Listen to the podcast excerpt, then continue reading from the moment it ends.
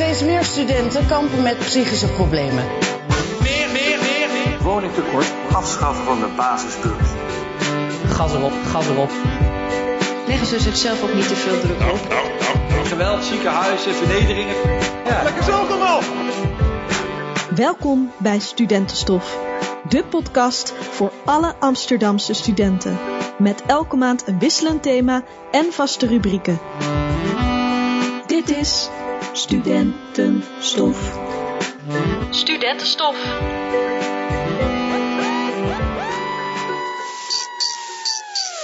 Nou, welkom. Eh, ik zit hier aan tafel met eh, niemand minder dan Jean Tiele en eh Shifra.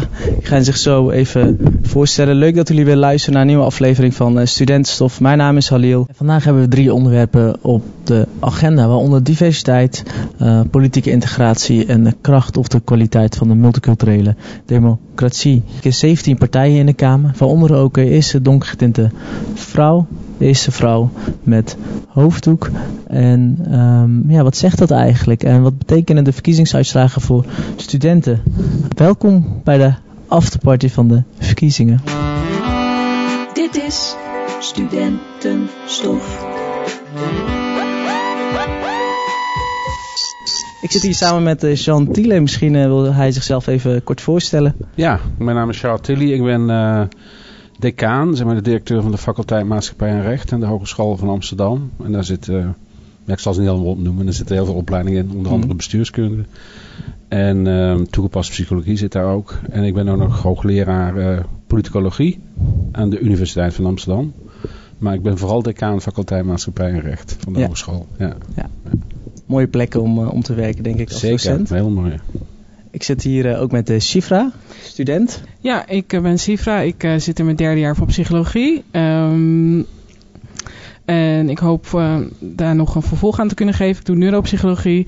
Eh, ja, ontzettend leuk. En ehm, naast eh, neuropsychologie hou ik me, interesseer ik me ook heel erg eh, in de politiek. Dus eh, dat. Zo, welkom. De afgelopen drie afleveringen gingen uiteraard over de politiek, waarin we het hadden over leenstelsel, woningtekort en het hoger onderwijs.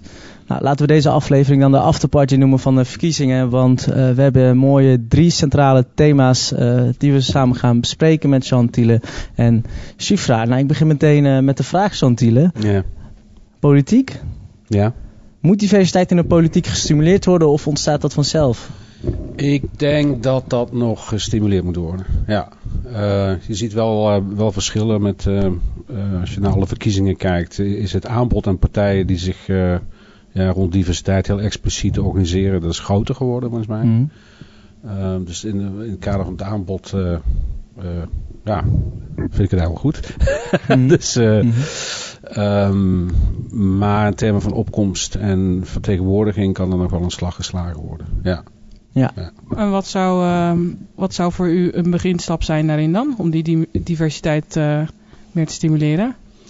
Nou ja, kijk, het, het, ehm, heb, als je het over de kiezers hebt, dat, dat is dan weer iets anders dan de politici. Mhm. Ehm, ik heb dus best wel een tijdje weer terug eh, onderzoek gedaan naar wat, wat bepaalt nou de opkomst. eh, als je het over etniciteit hebt, hè, want er zijn allerlei vormen van diversiteit. Dus als ik even op eh, etniciteit, eh, als ik me daar even op richt. Mhm. En uit dat onderzoek kwam dat ehm, naarmate eh, gemeenschappen zichzelf organiseren, dat de politieke participatie groter is. Dus ehm, eh, als je allerlei maatschappelijke organisaties hebt of religieuze organisaties eh, die op een soort etnische grondslag zijn georganiseerd en die ook nog met elkaar verbonden zijn, dat is heel belangrijk, want, die, want de gemeenschap bestaat niet, want er zijn allerlei verschillen ook binnen die gemeenschappen. Dat dat de politieke participatie van die groepen eh, bevordert. Dus, dus dat is aan de kiezerskant. Dat is aan de kiezerskant, maar dan ben ik even benieuwd. We zien ook juist volgens mij, of althans dat vraag ik dan aan u. Er is ook volgens mij juist vaak van een beetje individualisering, afbrokkeling van maatschappelijke eh, Hmm. groepen. Hè. De eh, mensen gaan minder naar de kerk, er zijn minder eh, sociaal-maatschappelijke huizen waar mensen samenkomen. Mhm. Dus hoe. Ehm, dus het is best wel grappig eigenlijk om te zien dat mensen toch wel, als ze bij zo'n onderdeel zijn van zo'n maatschappelijke groep, dan toch wel eh, zich meer verbonden voelen tot de politiek.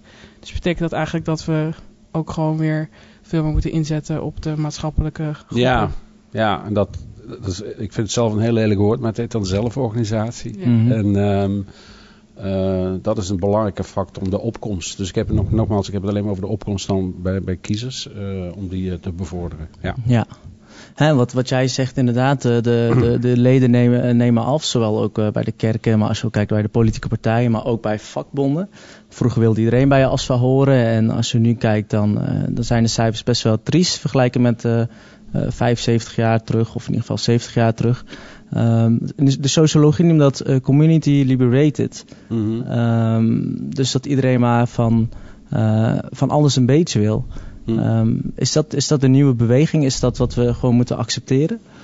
Nou ja, je hebt natuurlijk een eh, enorme fragmentatie in die samenleving. Dus we hebben die, die mobiels van ons, die, Hmm. we hebben onze eigen inf- informatiekanalen, we hebben eigen eh, eh, muziek, social media, je noemt het op. En dat, dat beleef je voor een heel groot deel alleen. Hmm. En je hebt ook enorme keuzes. Dus eh eh, bijvoorbeeld 50 jaar geleden, dan las iedereen dezelfde krant bij wijze van spreken. En dan kon je het daarover hebben. Of Mhm. keek iedereen naar hetzelfde Mhm. televisieprogramma. En dan kon je het daarover hebben. Wat het ook een enorme bewustwording heeft om, om te delen met wat, wat, wat mensen gelezen hebben, wat ze ervan vinden. Maar probeer nu maar eens iemand te vinden die hetzelfde gelezen heeft. Ja. Dan kom je Ja. ofwel in je bubbel terecht. Die dan best wel klein is. Maar als jij gewoon naar school gaat of naar de universiteit of whatever. En als je iemand willekeurig tegenkomt, is de kans dat iemand dan hetzelfde in- informatie heeft, is kleiner geworden. Ja, dat klopt denk ik. ik eh, als ik kijk naar mijn vrienden, dat is natuurlijk ook wel deels mijn bubbel. En dat ik dan ook soms juist heel- op andere plekken op mijn werk of ergens op een plek eh, eigenlijk hele interessante gesprekken heb. Omdat mensen dan van buiten mijn bubbel ehm, eh, iets heel anders hebben gelezen. Iets wat ik nog nooit überhaupt, nog- waar ik nog nooit van gehoord had. Ehm, vraag ik me wel alleen af, ehm, als iedereen toch wel naar door die fragmentatie zie je nu hè, 17 partijen in de Tweede Kamer. Om even, ik weet niet of ik dit bruggetje kan maken, maar Ja. Ja. Ik heb ook wat gelezen daarover. Mhm. En ene, sommige politicologen zeggen ja, dat is juist heel goed, want hè, voor ieder is er een stem. Mhm. Ieder stem wordt gehoord, zeg maar. Maar aan de andere kant vraag ik aan u. eh, zou je misschien ook kunnen zeggen, hoe kunnen we, kunnen we nu nog ooit wel regeren? Zometeen Mm. gaan we misschien naar 25 partijen met allemaal zes Mm. zetels. Ja. Ja. om de vraag compacter te maken van wat is uw kijk eh, van diversiteit in de Tweede Kamer naar eh, aanleiding van de verkiezingen? En hoe Ja. verder zegt dat iets over de samenleving tegen diversiteit? Nou ja, wat ik al zei qua aanbod. eh, eh, je, je kunt op Denk stemmen, op Bijeen of eh, Mhm. dat soort partijen. Je kunt ook gewoon. Ik bedoel, het aanbod van partijen is groot genoeg. Mhm, mhm, Zoals je van 40 of zo. mhm. Ehm, qua samenstelling, en als je dan, ja, dan hangt het weer af waar, waar je naar kijkt. Dus als je naar man-vrouw kijkt, is het volgens mij best wel behoorlijk. Eh, qua etniciteit eh, zit er een stijgende lijn in. Ik denk als je het exact langs de cijfers van de bevolking gaat leggen, dat, dat, dat er nog een mismatch eh, zit. Dus daar kan nog wel iets eh, eh, gebeuren. Maar het is ook zo, moet ik zeggen, dat de- kiezer vooral op inhoud stemt. Dus ehm, ehm, als je, ehm, je zag vroeger bij de Turks-Nederlandse gemeenschap, die, die heel erg op de Turks-Nederlandse kandidaten stemde. Ja.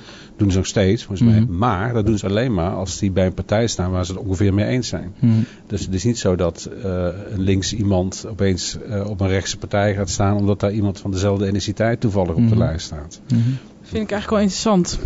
Ehm, ik denk dat ehm, hoe moet ik het zeggen? Eh, je hebt juist door die ehm, eh, fragmentatie, denk je ook dat iedereen altijd alleen maar in zijn eigen bubbel zit. En dat iedereen ook alleen maar ehm, ehm, wil stemmen op iemand die die herkent uit zijn eigen groep. Maar misschien is het dus ook wel zo dat je dus, ehm, ik het even goed verwoorden, misschien is er dan, is dit de diversiteit die er is? En hoeft er dus misschien ook, komt er niet meer? Het kan, we kunnen er altijd Mm. naar streven, maar Mm. als u zegt van, hè, want ik bedoel, de opkomst was hoog. Veel mensen hebben gestemd.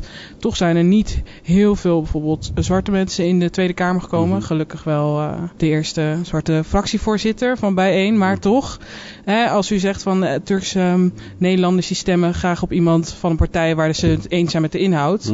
Dan zal de politiek misschien nooit een volledige afspiegeling worden van de maatschappij. En hoeft dat dus ook niet. Maar ja, tenzij die kandidatenlijsten zo zijn samengesteld dat je die opties wel hebt. Dus dat is een beetje, dat is dan het. eh, maar de inhoud blijft eh, voor iedereen eigenlijk het allerbelangrijkste. Dus, eh, en als je. En dat is nog een tweede factor die mensen ook wel belangrijk vinden. Dat is macht, laat ik maar even zo zeggen. Of je de grote partij is of een kleine partij. Mhm. Er zijn mensen die dan heel idealistisch stemmen. Dus die gaan alleen maar, sorry, die gaan alleen maar voor die inhoud. Er zijn ook mensen die bijvoorbeeld twijfelen tussen GroenLinks en de Partij van de Arbeid. Nou ja, die zijn nu even groot, maar eh, dat was vroeger niet zo. en die dan ook de neiging hebben om eh, op, eh, op, de, op de grotere partij te, te stemmen. Of, eh, nou ja. We gaan zo weer verder, maar nu eerst 30 stomme dingen met Shifra. Van die dingen dat je denkt, Dat vind ik stom. Dat vind ik nou stom. de stom, stom, stom, stom, stom, stom, stom, stom, stom, stom, stom, stom. In 3, 2, 1. Hoi, ik ben Sifra en de dingen die ik stom vind zijn cancel culture, Twitter gates, woningtekort voor studenten, veel te hoge huurprijzen, leenstelsel, eh, wettelijk collegegeld, instellingstarief, binnen studieadvies, ehm, eh, te weinig werkgroepen, te weinig aandacht voor duurzaamheid, eh, generatiekloof, complottheorieën en ja, nog heel veel meer. Wil jij nou de volgende stom inspreken? Mail dan naar studentenstof.asfa.nl Ik had ook iets gehoord over het, eh, ik- als ik het goed zeg, het bandwagon effect. Wat je dus misschien ook juist in de laatste dagen voor een verkiezing vaak Ja. ziet. Wat is het band? bandwagon, zeg ik het goed zo? Ja, dat ja. is het. ehm, dat is, eh, do- doordat in Nederland mogen wij peilen tot op de dag dat je nog mag stemmen. En je ziet dat dus als de peilingen dus gaan en partijen worden groter en mensen willen stemmen op, eh, op ja, op degene die de macht heeft, die in de goede flow zit. En dan zie je dus dat je zeg maar juist in de laatste dagen met die peilingen, dat degene die al lekker aan het gaan waren, krijgen dan dus nog die zwevende kiezers vaak naar zich toe. Ja. Dus dat bij, als je mensen Ja. stemmen graag op Ja. macht, maar ook wel op, Ja. eh, ze willen natuurlijk op het goede stemmen. Ja, maar dan de combinatie van die twee. Hè? Dus, eh, dus eh, zeg maar wat je denkt, ideologie en, en, en, en hoe, hoe, hoever, in hoeverre je macht belangrijk vindt. Nou, en als je dan er nog niet uitkomt, dan komt iets als lijsttrekker of nou ja, dan komen al die andere of spe- specifieke eh, strijdpunten die je belangrijk vindt. eh, hè? Dus als je het heel erg met het milieu begaan bent, dat je dan toch ook daar eh, een criterium zoekt. Maar goed, dat gaat dan ook weer over inhoud eigenlijk. Ja. Ja. Ja. ja, ik vind het interessant, want ik hoor in mijn omgeving voor het eerst eigenlijk dat, dat ze zich bezighouden met de verkiezingen. Eh, zo is een partij eh, van Denk bijvoorbeeld dat heel veel jonge Turks-Marokkaanse eh, jongeren trekt. Denk scoort ook het hoogst op het jongste aantal eh, stemmen, bijna 80 procent. u noemt dat volgens mij politieke integratie. Eh, dat hebben we ook bij de PVV gezien. Dus, eh, ehm, dus normaal gesproken mensen die niet gingen stemmen, die gingen voor het eerst stemmen. Ehm, wat zegt dat over, ehm, ja, over, eh, over de politiek? Nou ja, dat is natuurlijk een, een heel goed, een goed iets. Kijk, eh, politieke integratie, ja, daar kan je echt eh, kan je vijf podcasts aan wijden wat dat precies is. Maar je kan het gelijkstellen aan participatie, hè, dus dat je Mhm. meedoet. En dat hoeft dan niet alleen maar te stemmen te zijn, maar dat kan eh, allerlei vormen van eh, participatie zijn. Ehm, en als mensen gemobiliseerd worden door een bepaalde partij, bijvoorbeeld Denk, en die eer- stemden eerst niet en die stemmen nu wel, en die voelen zich vertegenwoordigd door die partij, Mhm. ja, dan is dat goed voor de democratie. Ja. En, dat, en dat geldt voor alle kiezers, wat hun opvattingen ook zijn. En het, we, kiezen de, we kiezen de Tweede Kamer, Ja. en dat is gewoon een, eh, een, eh, een normaal orgaan, Mhm. weet je wel. Eh, dus eh, een democratisch orgaan. En als kiezers die zich niet vertegenwoordigd voelen, nu wel een, een mogelijkheid hebben om zich wel vertegenwoordigd te voelen, ja, dan is dat alleen maar goed. Ik vind wel dus, sorry, Ja, ik had hier ik had een vraag. Ik had een vraag. Ehm, maar dan eh, kiezen die zich eerst niet vertegenwoordigd voelen, die dus juist door eh, die zich eh, onderdeel voelen van zo'n partij en de, daarom naar de stembus gaan. Dat, dat is natuurlijk geweldig. Maar aan de andere kant zie je ook dat sommige partijen ehm, buitengesloten worden van een mogelijke regering. En wat doet dat dan met het gevoel van die kiezers, Hm. die dus eerst niet wilden gaan stemmen, want hij, hij of zij voelde zich er niet, Hm. dacht dat hij er niet bij hoorde. En vervolgens hoor je dus dat jouw partij eigenlijk bij voorbaat al van alles wordt uitgesloten. Maakt dat mensen nog misschien bozer of wordt de afstand daarmee misschien weer juist weer veel groter? Nou ja, kijk, eh, ik heb ooit, dat is een paar jaar geleden, heb ik eh, gepleit om eigenlijk twee verkiezingen te houden. Eh, de eerste verkiezing zoals we hem nu hebben. Nou, dan komen er partijen in de, in de Kamer. Mhm. En vervolgens had ik bedacht, dan moet iedere partij moet een, eh, een coalitieregering voorstellen die, die een meerderheid heeft. Nou, dat leidt tot een aantal logische opties, weet je wel. Dus, eh, en daar mogen wij dan weer uit kiezen als kiezers. Dus dan, eh, en de, de coalitie die dan de meeste stemmen krijgt, die moeten ze doen, moeten ze doen. Ehm, Dus een soort democratisch systeem van verkenners. ja, maar ook dat je, nou ja, het democratisch systeem, dat we onze eigen regering kiezen. Mhm. Dat is, dat, is, dat is de toevoeging. Want we kiezen nu een parlement. En vervolgens gaan die, gaan die, eh, ja, die gaan praten. En, en achterkamertjes en voorkamertjes. En eh, met Jake Willing nu, hè, nu we de, op, op dit moment dat het wordt opgenomen. En, ehm, eh, en dan wordt er ergens een, een, een regering gesmeed. Maar ik vind eigenlijk dat de kiezer moet bepalen wie de regering wordt. Dus ik, ik, ik, ik ben het eigenlijk heel erg met je eens dat... dat ja, we gaan stemmen. Eh, en ik vind eigenlijk ook dat al die 17 partijen, wat zijn er? Nee, hoeveel- 17. 17, ja. Ja. Ehm, die hebben dan ook een ander soort verantwoordelijkheid, vind ik. Want je, je bent gekozen. Je moet natuurlijk je kiezers eh, vertegenwoordigen. Maar ja, je moet ook coalities sluiten en compromissen sluiten. Anders, ja, anders kunnen we het land niet besturen. Daar komt het eigenlijk min of meer op neer. Ja. U heeft het ook over de, de kwaliteit van de multiculturele democratie. Ehm, kun je dat eh, kort toelichten wat dat eh, betekent? Ja, nou ja, kwaliteit is dus, dat is eigenlijk heel, eh, ja, een heel moeilijk begrip, kwaliteit. Ja, ja. Maar ik vind... eh, de kracht. eh, ja, de kracht. Ik vind als zoveel meer, mogelijk mensen participeren, dan heb je de kracht van de multiculturele democratie. Dus als bepaalde groepen achterblijven in die participatie. En dat was... ehm, eh, toch heel lang was dat wat vroeger, dat, dat woord mag je niet meer gebruiken, maar dat heette vroeger allochtonen, heette Mhm. dat in, een- in een grijs verleden. Mhm. Niet Ehm, Westelingen. eh, daar was die opkomst veel lager. En de, de politieke participatie was veel lager. En de vertegenwoordiging in, de, in, de, in ja, bijvoorbeeld het parlement was veel lager. Ja, dan heb je een kwalitatief eh, eh, probleem. Ehm, ik heb een moeilijke vraag, denk ik, maar ik wil hem wel graag stellen.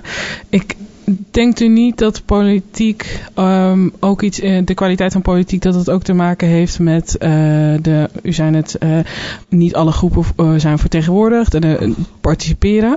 Maar heeft het ook niet ermee te maken dat de groepen die nu oververtegenwoordigd zijn, als het ware, dat zijn, dat zijn de groepen mensen die zich niet heel veel zorgen hoeven te maken over de alledaagse eh, dingen. Maar ik kan me dus voorstellen dat als je nog, als je bij een groep hoort die nog niet hier een helemaal eh, zijn weg kan vinden, dan ben je nog eigenlijk helemaal nog niet bezig met dat overstijgende, namelijk in de politiek ingaan. Dus zou je niet iets, zou, is het niet zo dat als een groep helemaal geworteld en gevestigd is en sociaal-economisch ook helemaal gelijk is met de eh, bestaande groep, dat je dan ziet dat de politieke participatie ook toeneemt? Ehm, nou, je had vroeger eh, ehm, Partij van de Arbeid, die betrok heel veel eh, stemmen uit de arbeidersklas. Ja, daar heeft nooit iemand het meer over. Maar eh, eh, ja, ja, en dat was toch wel so- sociaal-economische achterstand waar mensen toch gingen stemmen om dat te verbeteren. Dus het, het, het hoeft elkaar echt niet uit te sluiten. Ik, ik kan me voorstellen als je elke dag moet nadenken over heb ik überhaupt nog wel te eten? Of heb ik, heb ik een woning? Of heb ik weet ik wat? Dat je dan niet denkt, gooi, ga eens lekker stemmen. Maar toch zie je daar ook in, in, in, die, in die groepen dus mensen zeggen, ja, om mijn positie te verbeteren moet er ook beleid komen om dat eh, te doen. Dus, ehm, en het, eh, ja, dus, en die, kijk, je hebt ook ehm, eh, heel veel groepen die onder, dus de ondervertegenwoordiging en de armoede en weet ik wat allemaal, die heb je in alle groepen. Hè? Dat is niet alleen specifieke groepen, dat zijn alle groepen, heel, heel, best wel veel groepen in de samenleving. En die moeten ook vertegenwoordigd worden. En, ehm, dus ik zie daar niet een, een principieel verschil, laat ik het even zo zeggen. Ja. Ja, we hebben het eh, nu gehad over diversiteit, politieke integratie, de kracht of de kwaliteit van de multiculturele eh, democratie. Ehm, dan, dan de hamvraag van wat betekent, wat betekent de verkiezingsuitslag eigenlijk voor, voor studenten en welke invloed heeft dat op de student? Welke verwachting kunnen studenten, eh, welke verandering kunnen studenten verwachten? Ehm, dan, ja, dat weet ik niet. Aan mij heb je Moeilijke vraag. nou, dat punt, ik zou ook zeggen waarom ik het niet weet. Kijk, er wordt nu een regering gevormd en er wordt beleid gemaakt. Er moet een regeerakkoord komen. En dat is allemaal, uh, weet het, uh, uh, onderhandelingen en, en, en weet ik wat. En wat komt iets uit. Wat we wel weten is nu bijvoorbeeld dat er 8,5 miljard euro naar het onderwijs wordt gesluist. Laat ik hem even zo zeggen, om, vanwege die, die corona. Uh, maar je zag het voorkabinet dat D66 noemde zich een onderwijspartij. Maar uh, we waren op een gegeven moment best wel boos op Ingrid van Engelshoven en wat ze allemaal aan het doen was. Mm -hmm. uh, dus dat ik niet dacht van nou, ik ga nu op de onderwijspartij D66 stemmen. Dus het, het maar goed, dat was mijn persoonlijke overweging. Mm -hmm. um, um, dus uiteindelijk zie je wel wat, wat er komt als, als een resultaat van dat regeerakkoord en wat daar uitkomt. Um, ja.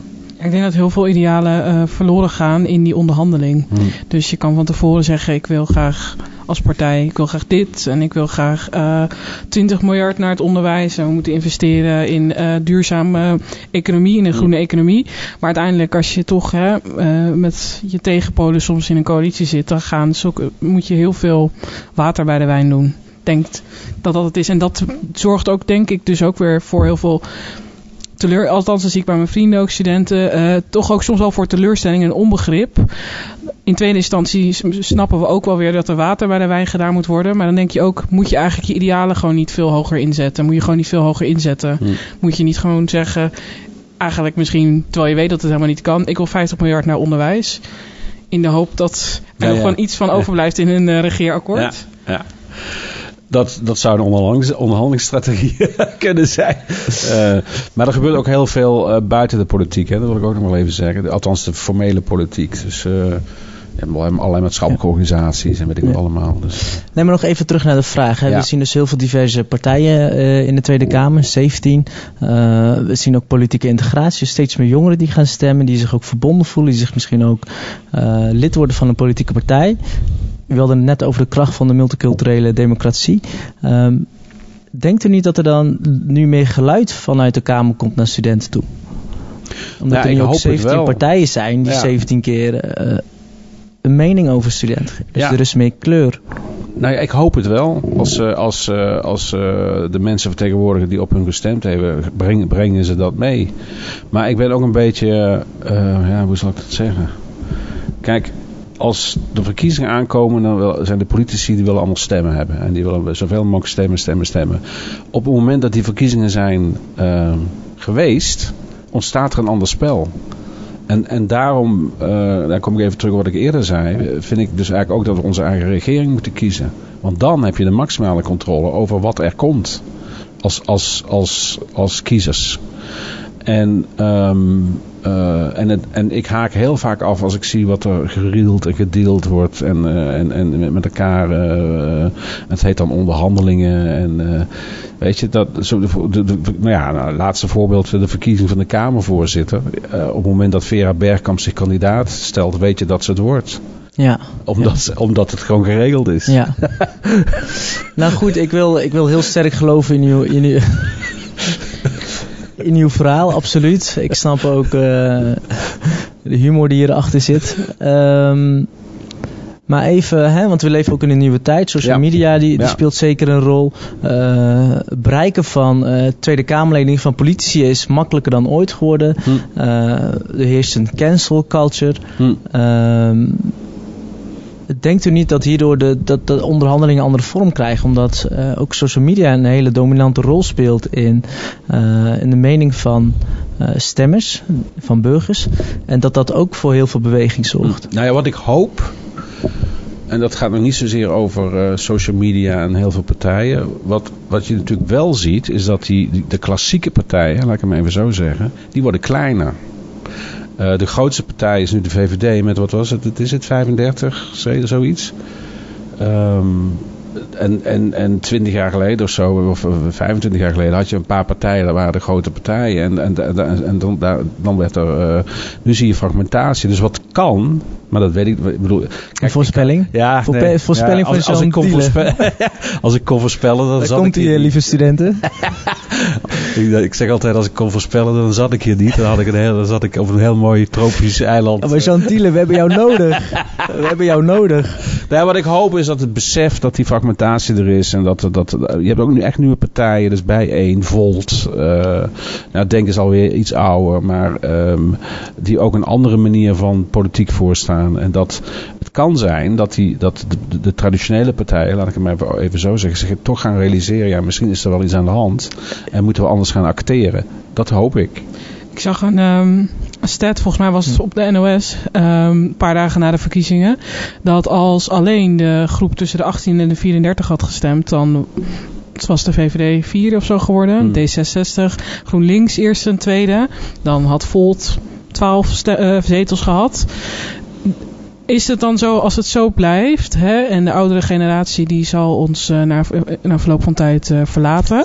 Ja, nee, ja, de, nee, er zit dat is geen zo. woorden Ja, onder. ja. Het is, als het zo blijft, is het dan niet zo dat er over een x aantal jaar een soort van kantelpunt komt? En dat de hele traditionele partijen zoals we die nu hebben, want ik bedoel, wij zijn nieuw, wij zijn jong, wij stemmen dus duidelijk op iets anders eh, in vergelijking tot onze ouders of opa en oma. Ja. Ja, die, die zullen het op den duur niet meer stemmen. Dus dan zou je het, ik heb die hoop. Of is ja, dat... nou als dat zo blijft, dat heeft twee dingen. Als die jonge mensen hetzelfde blijven denken ook. dat is natuurlijk... eh, ehm, en soms gebeurt er wel eens als mensen ouder worden... dat ze net iets anders gaan denken. Dus, eh, dus maar als...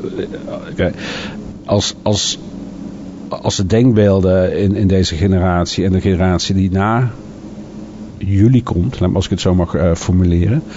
ehm, ook ongeveer zo... ja, dan gaat het veranderen. Maar dan is het wel zo, als jullie ouder worden, eh, dat je ongeveer nog in hetzelfde geda het gedachtepatroon zit. En wij moeten ons ook veel meer uitspreken. Ja. Eh, Of nou, uit, we hoeven niet op, per se op de daken te gaan springen. Maar ik denk inderdaad, vroeger eh, was, je- waren er veel meer leden bij vakbonden, bij politieke partijen, bij verenigingen. Dus wij kunnen wel van alles vinden op onze studentenkamer of met onze in een werkgroep of met je vrienden. Maar onze ouders die gingen de straten op om iets te bewerkstelligen. Dat is wel echt een wezenlijk verschil. Ja, en, en, en iets op Twitter zetten of op Instagram of, of Facebook of weet ik wat, dat is, dat is allemaal heel mooi. Maar dat zet uiteindelijk geen zoden aan de dijk natuurlijk. Dat, nou ja. Ja. nou, een, eh, een mooie oproep van eh Chifra om deze podcast eh, af te sluiten. Ga stemmen. Volgend jaar zijn de gemeenteraadsverkiezingen. De jaar erop volgens mij de provinciale verkiezingen, als ik me niet vergis. Eh, ga vooral stemmen en eh, laat je stem horen. Dankjewel voor het luisteren van, eh, van deze aflevering. Ik wil mijn gasten Jean Thiele en Chifra hartelijk bedanken voor, eh, voor hun bijdrage aan deze podcast. En eh, mocht je nog vragen hebben, mail ons studentstof.asfa.nl. Wil iemand nog een eh, afsluiter doen? Chantiele? Nou ja, ik ben het enorm eens met je oproep. Ga stemmen. Dat is het allerbelangrijkste. eh, dan, dan oefen je invloed uit. Ja. ja. Ja. Nou, ja, vooral dat doen dus ja. ja. Ja, dankjewel. Dan gaan we niet door naar dilemma's met docenten. Dilemma's met docenten, dilemma's met docenten, dilemma's met docenten. Huh? Kies je, kies je dat? Ik zit hier nog steeds met eh, Jean Thiele aan tafel en ik heb wat eh, dilemma's voor Jean Thiele. Ben je er klaar voor? Ja. Nou, dan komen ze. Rood of blauw? Rood. De slimste voorop of iedereen naast elkaar? Iedereen naast elkaar. Dus geen Machiavelli gedachtes. Gisteren of morgen? Morgen. Dus het verleden laten we achter ons. Ja, daar kan je toch niks van doen. Nou, dan komt die Jean Thiele. De laatste alweer. Doorzichtig zijn of kunnen vliegen? Doorzichtig zijn. Ja? Transparant noem ik het maar weer. Ja. Ja. Dus eh, liever transparant dan eh, overzicht. Ja. ja. Oké, mooi. Dit waren ze. Dankjewel.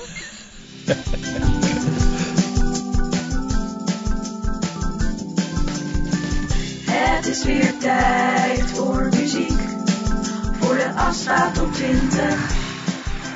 Ik hou eh, Fuck You van Lily Allen uit de lijst. Het is al een beetje geweest. En het is tijd nieuws. Dus daarom voeg ik Vuur van broederliefde toe aan de lijst. Omdat het gewoon een fijne, eh, frisse energie geeft. En gewoon een fijne tune. En zeker richting de zomermaanden hebben we, zijn we weer toe aan wat energieks. Dankjewel weer voor het uh, luisteren van de nieuwe aflevering van Studentenstof. Ik vond het echt een hele interessante aflevering. Ook met Chantiele, onze eerste gast. Ja, wat ik heel interessant vond was dat toen hij begon over de fragmentatie in de samenleving. We met ons mobiel allerlei informatie doorgestuurd krijgen. En inderdaad zo ook in een eigen bubbel terechtkomt. Dat het steeds moeilijker wordt om overeenkomsten te vinden. Als voorbeeld gaf dat vroeger iedereen hetzelfde televisieprogramma keek. En dat je daar gewoon over kon hebben. Maar tegenwoordig is er zoveel.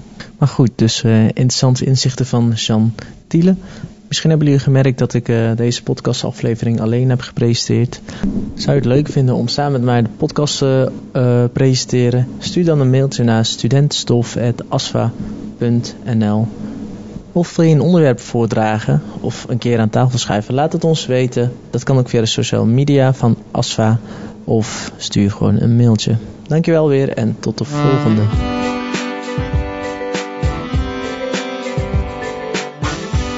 Dit was Studentenstof. Deze podcast werd mede mogelijk gemaakt door de ASFA Studentenunie en gemaakt door Halil Selik en Thomas Leijen.